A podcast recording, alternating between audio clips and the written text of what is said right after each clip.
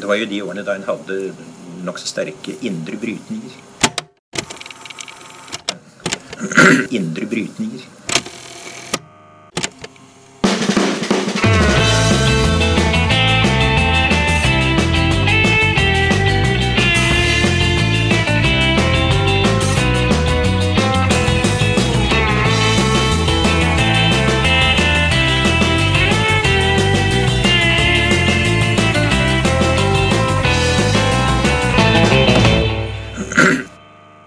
Hei og velkommen til Noen har snakket sammen. Mitt navn er Tiril Rystan Halvorsen. Og jeg heter Aksel Fjellavli. At strømprisene er høye, det tror jeg veldig mange har uh, fått med seg. Og det har gjort at uh, energipolitikk er ekstra høyt på agendaen uh, i disse dager. Også her i Noen har snakket sammen. Ja, vi har jo hatt flere episoder både om IEA sin rapport, og altså, flere ting har vært diskutert i forbindelse med det grønne skiftet. Men den gangen her så tenkte vi å ta for oss kjernekraft. Mm. Eller atomkraft, om man vil. ja, og dette er jo noe som har vært diskutert ganske mye, og med ganske stor intensitet i, i mange europeiske land eh, lenge, men eh, i de siste månedene også relatert til en, en, diskusjon i EU om noe de kaller for taksonomien, som er egentlig hvordan man kategoriserer ulike energikilder, om de skal være kategoriserade som grønne eller ikke, og dermed om det skal utløse støtte. da. Mm. Uh, og vi kan komme kanskje litt tilbake til den uh, debatten i EU. Men uh, først vil jeg gjerne ønske velkommen til Martin Westermark. Takk så mye. Du er analytiker i Statkraft. Vi er jo litt grønne på dette temaet. Vi er jo samfunnsvitere. så kan du, kan du fort og enk så enkelt som mulig forklare oss hva kjernekraft, atomkraft, er? Så en väldigt high level förklaring handlar om att du tar eh, atomkärnor, uran typiskt, och delar den.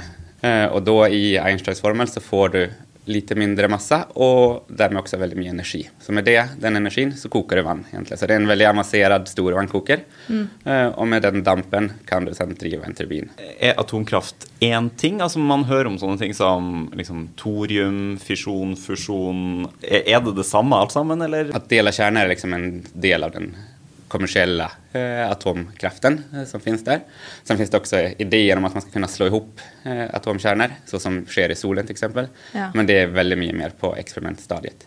Men däremot om torium är egentligen bara ett annat material än uran. Men om vi ser på situasjonen i dag, hvor energibehovet omtrent aldri har vært større enn det er i dag, det ser man på prisene og på debatten, og likevel så kan man også lese at land etter land legger ned sine eh, kjernekraftverk.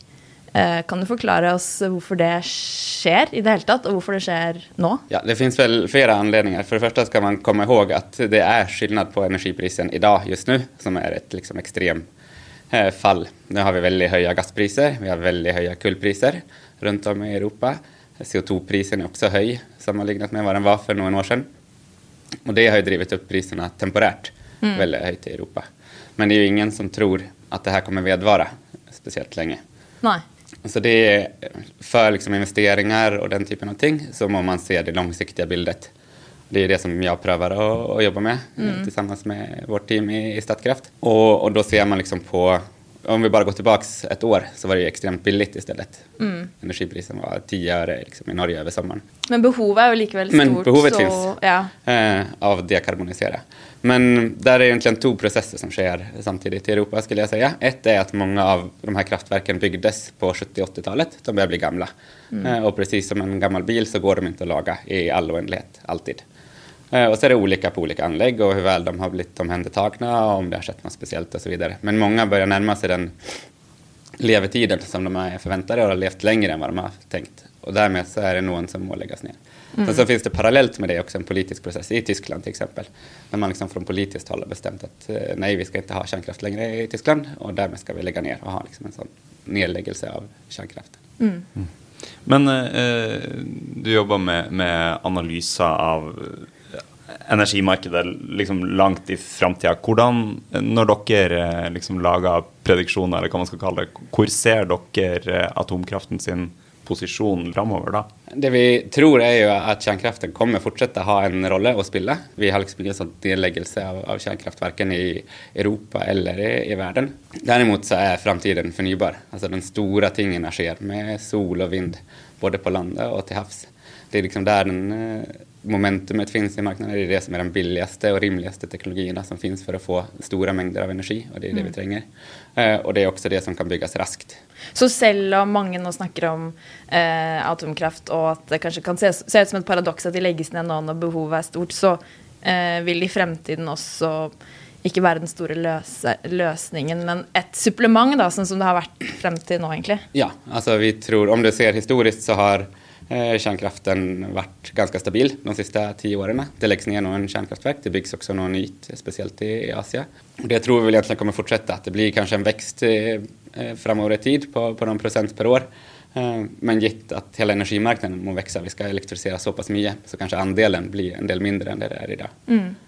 Det, det, är ju stor skillnad mellan land idag och det är så stor skillnad mellan vilket land som satsar och vem som bygger ned.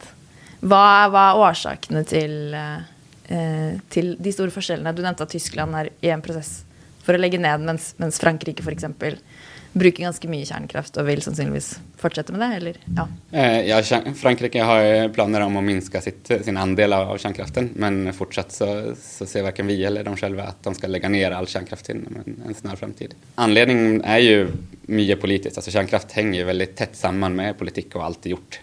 Eh, från starten efter andra världskrigen så var det ju typiskt att du utvecklade eh, atomkraft samman med atomvapen. Alltså du hade forskning och prövade skapa ett, eh, ett miljö som var stort nog och brukade både civilt och till kärnvapen, åtminstone kompetensen. Efter vart och efter icke-spridningsavtalet och så vidare 68 så har det ju varit, framförallt i Västeuropa, mest en sån civil användning. Men då är det någon land som typiskt inte har egna vannkraftresurser, kanske inte så stora kullresurser, eh, inte vill vara, ha stora gasresurser eller vara beroende av eh, import. Och då har ju kärnkraft varit en lösning. Då. Men likväl har vi haft vi har haft reaktorer i Norge både på Kjeller och i Halden. Men det är inte kraftverk. Vilken funktion har de spelat? Eh, det de har nu inte jag expert här på, på norsk kärnkrafthistoria, men eh, Halden är ju en, en forskningsreaktor. Och det man har gjort där är, och, som jag har känt det, att studera materialer och hur de påverkas av strålning eh, och hur stabila de är liksom, när de utsätts för, för, olika typer av strålning och om de går sönder lätt eller inte och om de kan vara bra eller inte i f.eks. kjernekraftkonstruksjoner.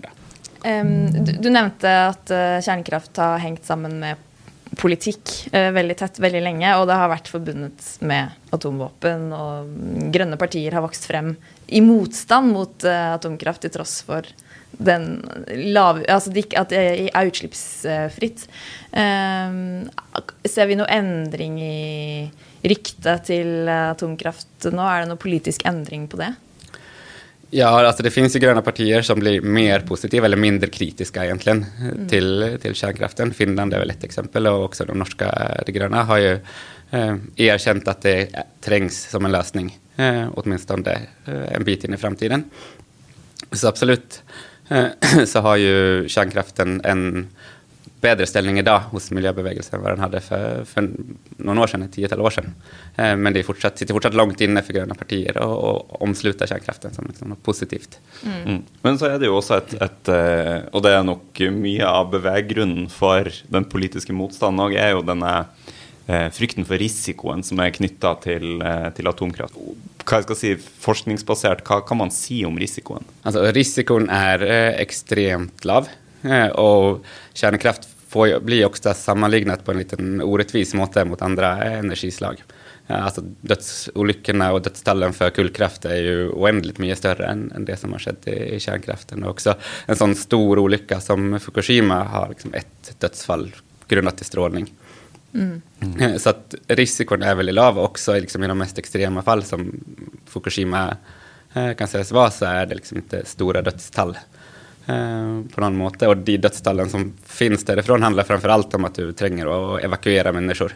Altså gamle og syke mennesker som må flyttes på. Mm. Det er liksom vanskelig uten, uten dødstall, men det er der Eh, Det är de som drabbas och inte liksom något sånt stort eh, hundratusentals som dör av strålning som det är en del eh, rykten og felaktigheter som, som vi Men, men eh, skal si, når man snakker om risiko, en, en litt sånn forenkla modell for å forstå hva risiko er, da er det en, en kombinasjon av sannsynlighet og konsekvens.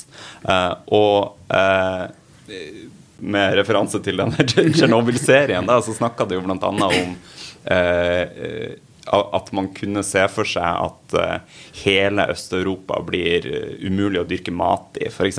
Altså helt sånn forferdelige konsekvenser som da ikke skjedde, men som eh, ble, blir drøfta i forbindelse med, med atomkrafta. Er det Kan man utelukke helt liksom sånn hva jeg skal si, sånn apokalyptiske scenarioer knytta til atomkraft? Ja, det korta svaret är ja, det kan du. Alltså det, det, det man ska huska är att de reaktorerna som byggdes i, i Sovjet, de var öppna, så de var inte inneslutna i, i något stål eller cement. Eh, utan de var öppna och det var, gjorde man för att kunna plocka ut eh, uran ur kärnkraften medan de körde. Eh, för att kunna ha till kärnvapen. Så det var en liksom kombination av att producera el och producera eh, kärnvapen. Sådana reaktorer gör det inte längre. Och också i de reaktorerna så må du liksom ganska aktivt bidra till att, att pröva spränga dem i luften. Eh, visst det ska gå. Men, men som sagt, dagens reaktorer som byggs i Västeuropa och överallt egentligen, i Kina, Asien och, och Nordamerika, eh, har inneslutna reaktorhärdar. Och det gör att det liksom kan inte spränga en, en reaktor på det sättet som skedde i Tjernobyl. Inte ens om du vill. Liksom. Det vil jo fortsatt være jordskjelv eller altså ting som kan Ja, absolut. Och det som kanske är ju typiskt det som, som skedde i, i Fukushima. Jag tror att, att man kan säga att det liksom är det värsta som kan ske i en, en modern reaktor. Att det blir härdsmälta eh, och att det blir en del radioaktiv läckage. Men fortsatt så pratar vi liksom inte om stora dödsstall. Men absolut. Och sen så finns det ju en, en psykologisk frykt som, som är reell hos människor också.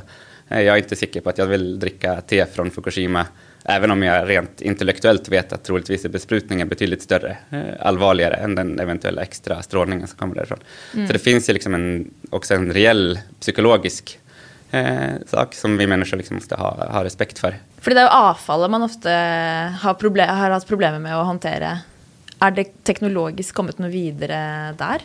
Nu är inte jag väldigt djupt inne här på, på eh, Borde man hantera avfall. Det finns idéer om att man ska kunna eh, genbruka avfallet i speciella typer av reaktorer. Men egentligen den standardplanen är att ha ner det i backen eh, och omsluta det säkert eh, och låta det ligga där eh, tills det har klingat av. I, i, når man eh, møter atomkraftentusiaster på, eh, På bar? Ja. pub eller hvor det skal være, man, man møter sånne, så, så eh, argumenterer de jo ofte sånn eh, Jo, men eh, hvis vi skal løse klimaendringene, så burde vi bare satse masse på atomkraft. Og folk er ikke rasjonelle nok. Derfor eh, satses det ikke på atomkraft. Men egentlig så er det mer fornuftig å satse da på sol, fordi det er så billig og Ja, alltså det vi ser i våra analyser i alla fall är ju att du får kanske fyra gånger så mycket energi per krona i vind och sol sammanlignat med, eh, med kärnkraft.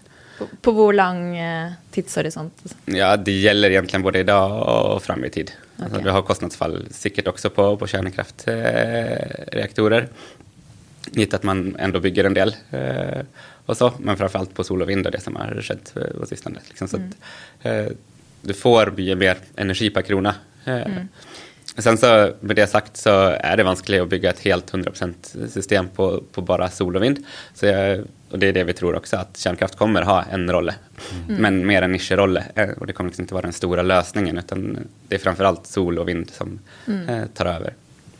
Mer effektivt per krone, sier du, men vi har jo også et arealspørsmål. Hvordan ser det forholdet ut eh, sol, vind og atomkraft? Ja, på, den, på den eh, skalan så vinner ju atomkraft eh, stort. Alltså at- atomkraft är väldigt arealeffektivt i förhållande till hur mycket plats en, fabrik tar. Eh, och även om du räknar med gruvbrytning så må det ha gruvbrytning också för vindmöller. Ehm, Norge har jo vannkraft, eh, og vil, virker det som vi satser en del på vind. Eh, men uansett så vil, som du sier, atomkraft ha en rolle sannsynligvis i EU, og så får vi jo se an hvordan de lander ned på denne taksonomien. Men eh, hvordan vil mer eller mindre andel atomkraft i Europa og verden påvirke norsk energi og norsk energipolitikk? Ja, det är väl kanske 10 000 kronors eh, spørsmålet som, som vi prövar att, få en, en bild av i, i Statkraft, i den eh, enheten som jag, som jag jobbar i. Man kan väl egentligen säga att mer kärnkraft, eh, det beror på liksom vad är standardscenariet du, du sammanlignar med. Mm. Eh, visst, du kan byta ut kärnkraft mot kull eh, så är det naturligtvis gott för klimatet och gott för eh, ja, den europeiska och den norska utvecklingen. Byter du ut kärnkraft mot vind och sol så är det spörsmålet hur stor påverkan det har upp mot Norge egentligen. Alltså det blir så prisprofiler kan ändras och så vidare. Mm. Men det är liksom inte den stora skillnaden. Och är det per, har du ett visst antal, en, en, sum, en pengapott som du ska lägga ner så menar vi att du får mindre, eh, du får mindre förnybar, eller du får mindre ren energi utav om du satsar på kärnkraft i form av ett annat. Så du går saktare egentligen med klimatomställningen. Mm. Men kan man, kan man se för sig att om ett land som USA satsar stort på atomkraft, att det på ett eller annat tidspunkt vill kunna eh, ta så stora marknadsandelar att vind och sol, som Norge kanske har satsat på, blir utkonkurrerat på sikt? Eh, man ska väl aldrig säga aldrig. Det är väldigt farligt som, som analytiker. Men det är väldigt, ja, svårt att se det. Alltså kärnkraften har, eh, förutom de, de problemen vi har pratat om tidigare, så har det också, eh, det som är vanskligt med kärnkraft är att det är så stora enheter hela tiden. Så det succén med sol och vind har ju varit att vi har kunnat begynna i, i liten skala. Du har kunnat haft eh, solceller på hytta mm. eh, eller på båten till exempel. Eh, eller en vindsnurra på en eh, gård. Och sen därifrån kunnat skalera upp sakta men sakta. Men här så krävs det så stor, eh, enorma investeringar på mm. statlig nivå från start och så ska fortsätta hålla uppe det eh, år efter år efter år när det finns billigare alternativ. Och det är väldigt vanskligt att få ett momentum på det. Mm. Så ett svar på det liksom från kärnkraftsindustrin och forskningen har ju varit eh, hoppet om att lyckas utveckla det som kallas small modular reactors, alltså mindre kärnkraftverk som ska kunna serieproduceras. Mm. Eh, och finns det ett hopp för, för kärnkraftverken så tror jag att det ligger där eh, snarare. Hvor ligger den uh, utviklinga i dag? Altså, er det sannsynlig at man kan se den type uh, modul? Eh, ja, förr eller senare så är jag helt övertygad om att, att man liksom klarar det. Det är inte så tekniskt helt omöjligt eller eh, helt nya ting som kommer upp. Mm. Men du måste finna en, en god måte att bygga eh, litet och kompakt utan att få det dyrt. Alltså, du mister ju en del av de stordriftfördelarna som finns på ett stort kärnkraftverk. Mm. Eh, och lyckas standardisera så mycket mellan landa att du kan serieproducera. Mm. Jag har ju sett uh, politiker argumentera för sådana minikraftverk, och rent sån, sån uh, vad ska jag säga, politiskt så förstår jag varför de gör det, för det verkar mycket mindre skrämmande när det är i mindre skala. Uh, och därmed tar det av lite av brodden, som är problemet da, for de som er for atomkraft. Men påverkar det egentlig risikoen? Eller altså, du mener jo risikoen är ganska lav uansett, men, men har det något att säga att det är mindre skala? Eh, ja, alltså det är lättare att ta hand om en liten olycka än en stor olycka. Mm. Eh, men som sagt, eh, jag tror inte risken är det stora problemet. Problemet här är ju att det ligger typiskt några år fram i tid. Inte sant? Alltså mm. du ska utveckla det här och standardisera det. Och sen ska, ska du få igång en, en storskala utbygging och så vidare. Så vi pratar ju säkert 2040, 2050 och vi kan liksom inte vänta tills dess innan vi börjar kutta utsläpp.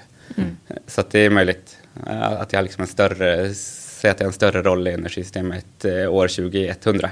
Mm. Eh, men det är liksom inte det som är det viktiga nå. Mm.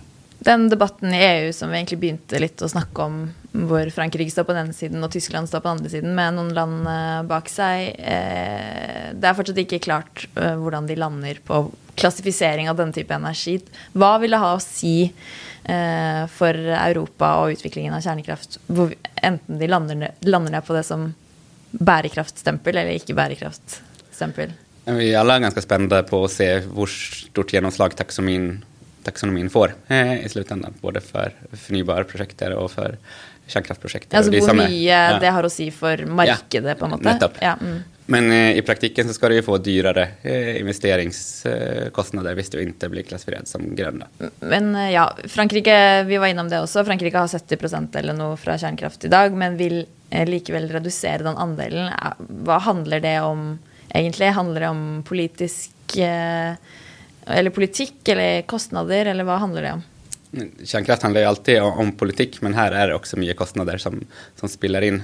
Eh, Frankrike har, precis som Sverige, bygde det mesta av sin kärnkraft på 70 80-talet och de begynner å bli gamle. Eh, og det er vanskelig liksom, å holde hele kärnkraftflottan i liv på en rimelig måte.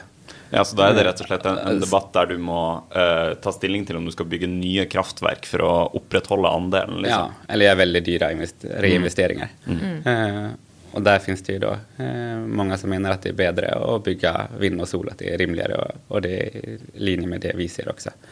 Eh, Däremot så får Europa veldig problem om Frankrike raskt legger ned all sin kärnkraft. Alltså, så att det er jo eh, viktig at de land som har kärnkraft tar hand om den, tar hand om den liksom så godt som, som mulig, mens det fortsatt låter seg gjøres. Da. Ja, så man kan få liksom pusha ut fem ja, vi behöver inte göra fem år till, omställningen, liksom. precis, vi Ja. behöver inte göra omställningen vanskligere enn vad den er. Nei, for da ville prisene bli høye i, i nye perioder. Sånn som nå. Ja, alltså det blir vanskelig å nå de klimamålene som, som vi har om vi dessuten skal holde på å legge ned kärnkraft som fungerer. I Sverige har det jo også vært eh, store debatter om, om eh, kjernekraft. Eh, ser de ut som, som de kjernekraftdiskusjonene du har beskrevet til nå, eller er det noe spesielt ved den svenske debatten? Precis som, som i andra land så lurar man på vad ska man göra då när kärnkraften börjar bli gammal, eh, som den börjar bli i Sverige. Och i Sverige har ju från start haft 12 reaktorer, 12 stycken kärnkraftverk, och lagt ner två i början av 2000-talet i Barsebäck. Eh, både grundat eh, egen intern opinion men också att Danmark, alltså Barsebäck ligger precis på andra sidan gränsen av Köpenhamn. Eh, Så det var många som, i Danmark som önskade att de lades ner också. Eh, och efter det har man haft tio reaktorer kvar och sen efter olyckan i, i Fukushima så gjorde i, hela EU ett sånt stort stresstest på, på kärnkraft och kom fram till att det skulle vara ett krav på det som kallas passiv reaktorkylning, alltså att du ska kunna kyla reaktorerna även om all ström försvinner, så som skedde i, i Fukushima. Och kärnkraftägarna konstaterar då att det kan man göra på någon av de reaktorer som finns kvar, men inte alla. Så att fyra stycken lades ner eh, i tillägg till det. Då. Och sen så det som har, har varit i Sverige är ju då ett spörsmål, kan staten gå in och, och överstyra det här på någon måte? Det har funnits önskemål från, från oppositionen. Eh, men det har liksom inte varit något reellt alternativ. Eh, så vi sitter nog igen med sex reaktorer ganska länge. Da blir det veldig spennende å se hva EU lander ned på i taksonomien. Og så kan vi lese deres eh, lavutslippsscenario som kommer i oktober. 21 oktober. 21. oktober fra Statkraft. For å se hvordan verdens energisystemer vil bli fremover. eh, Martin Westermark, tusen takk for at du kom til Takk for at vi kom sammen. Takk.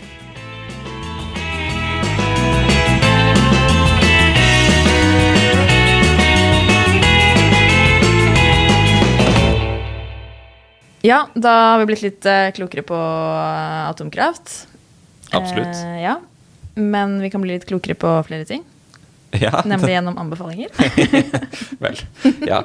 Eh, jeg tenkte i hvert fall å anbefale um, Aula-foredraget som Tankesmien Agenda arrangerer. Dette er jo eh, hva jeg skal si, det største og flotteste arrangementet Agenda har i løpet av et eh, år. Sammen med Universitetet i Oslo. Ja, eh, og det mm, er jo på en måte tilbake igjen etter, eh, etter pandemien. Eh, og den som kommer den 21. oktober på årets arrangement, er Helene Landmore, som er professor ved Yale-universitetet i USA. Eh, Forska innenfor eh, politisk filosofi eh, og er spesielt opptatt av eh, hva skal jeg kalle det, demokratisk innovasjon, eller hvordan man kan gjøre demokratiet mer demokratisk, bl.a. Gjennom eh, borgerforsamlinger og mer eh, altså andre måter å tenke demokrati på. Eh, Ganske radikal på en del vis, men eh, eh, veldig interessant. Eh, det, det anbefales veldig. Sjekk det ut på Facebook, og så er det lurt å melde seg på også. Ja. Og det eh, via den gangs skyld bare fysisk oppmøte. Absolutt. Sånn at eh, det kan bli fullt. Så her er det bare å løpe til Facebook. Eh, jeg tenkte å anbefale en tekst i Agenda Magasin i anledning at det er verdensdagen for psykisk helse 10. Eh, I august så hade vi en text på tryck av en eh, som heter Lars Erik Lund, som är koncerndirektör i Veidekke, som skrev eh, från sin position om hur han hade slitt med eh, depression i en, en årrekke. Och för det så har han nu vunnit en öppenhetspris da, eh, for å om detta. Och den texten eh, finner du på Agenda Magasin. Den heter Depression är ett stort hälsoproblem och vi kan ju dela den på gruppen vår. Mm. Eh, så ta vare på hverandre og, og deg selv. og så snakkes vi neste uke. Det er vi.